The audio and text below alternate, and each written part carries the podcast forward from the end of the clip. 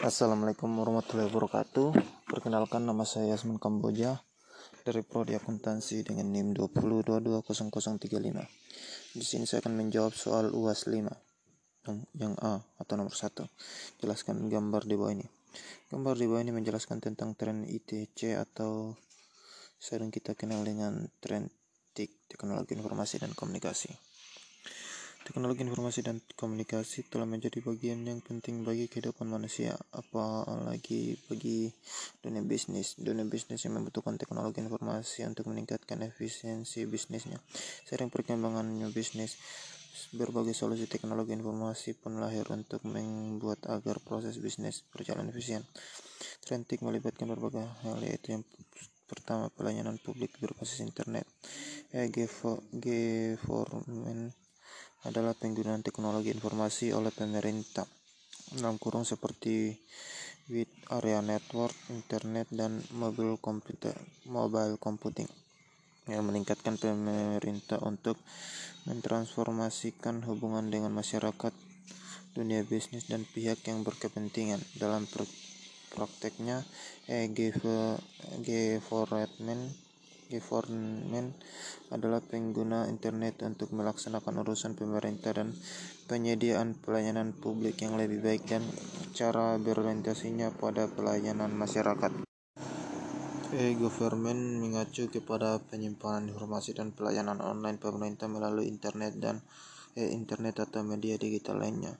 Tujuan utama dari e-government adalah meningkatkan efisiensi, kenyamanan, serta aksesibilitas yang lebih baik dari pelayanan publik. Yang kedua, smartphone. Kata smartphone didefinisikan dalam kamus Oxford American sebagai ponsel yang menghubungkan personal digital asik atau PDA.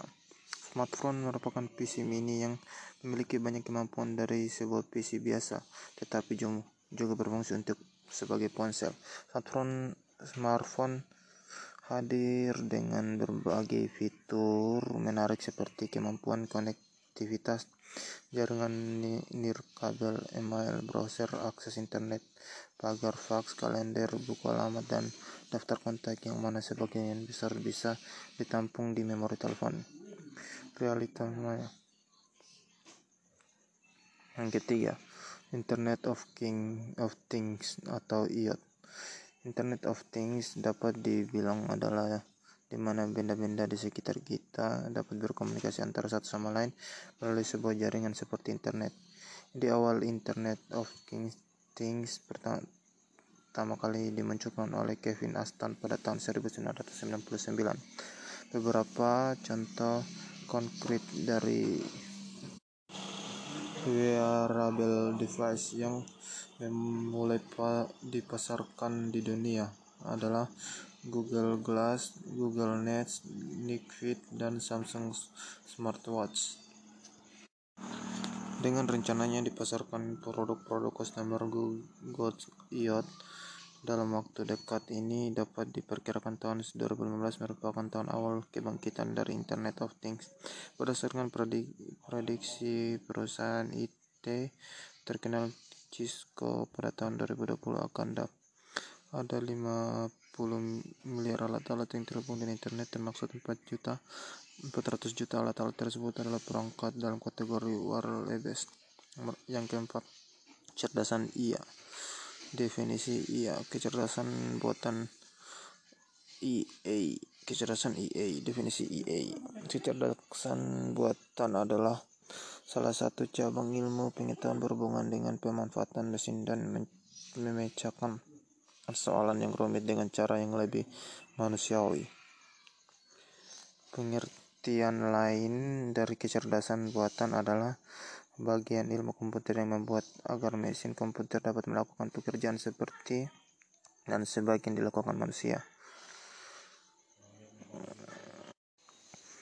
Yang kelima, virtualisasi dan cloud computing. Virtualisasi adalah sebuah teknologi yang memungkinkan Anda membuat versi virtual dari sebuah dari sesuatu yang bersifat fisik, misalnya sistem operasi, stroke, data atau sumber daya jaringan. Proses tersebut dilakukan oleh sebuah software atau firmware bernama hypervisor. Hypervisor inilah yang menjadi nyawa virtualisasi karena dialah layar yang berpura-pura menjadi sebuah infrastruktur untuk menjalankan beberapa virtual machine. machine. Dalam prakteknya dengan membeli dan dan memiliki suatu satu mesin satu sebuah mesin ada seolah-olah memiliki bayaran server sehingga Anda bisa mengurangi pengeluaran IT untuk pembelian server baru.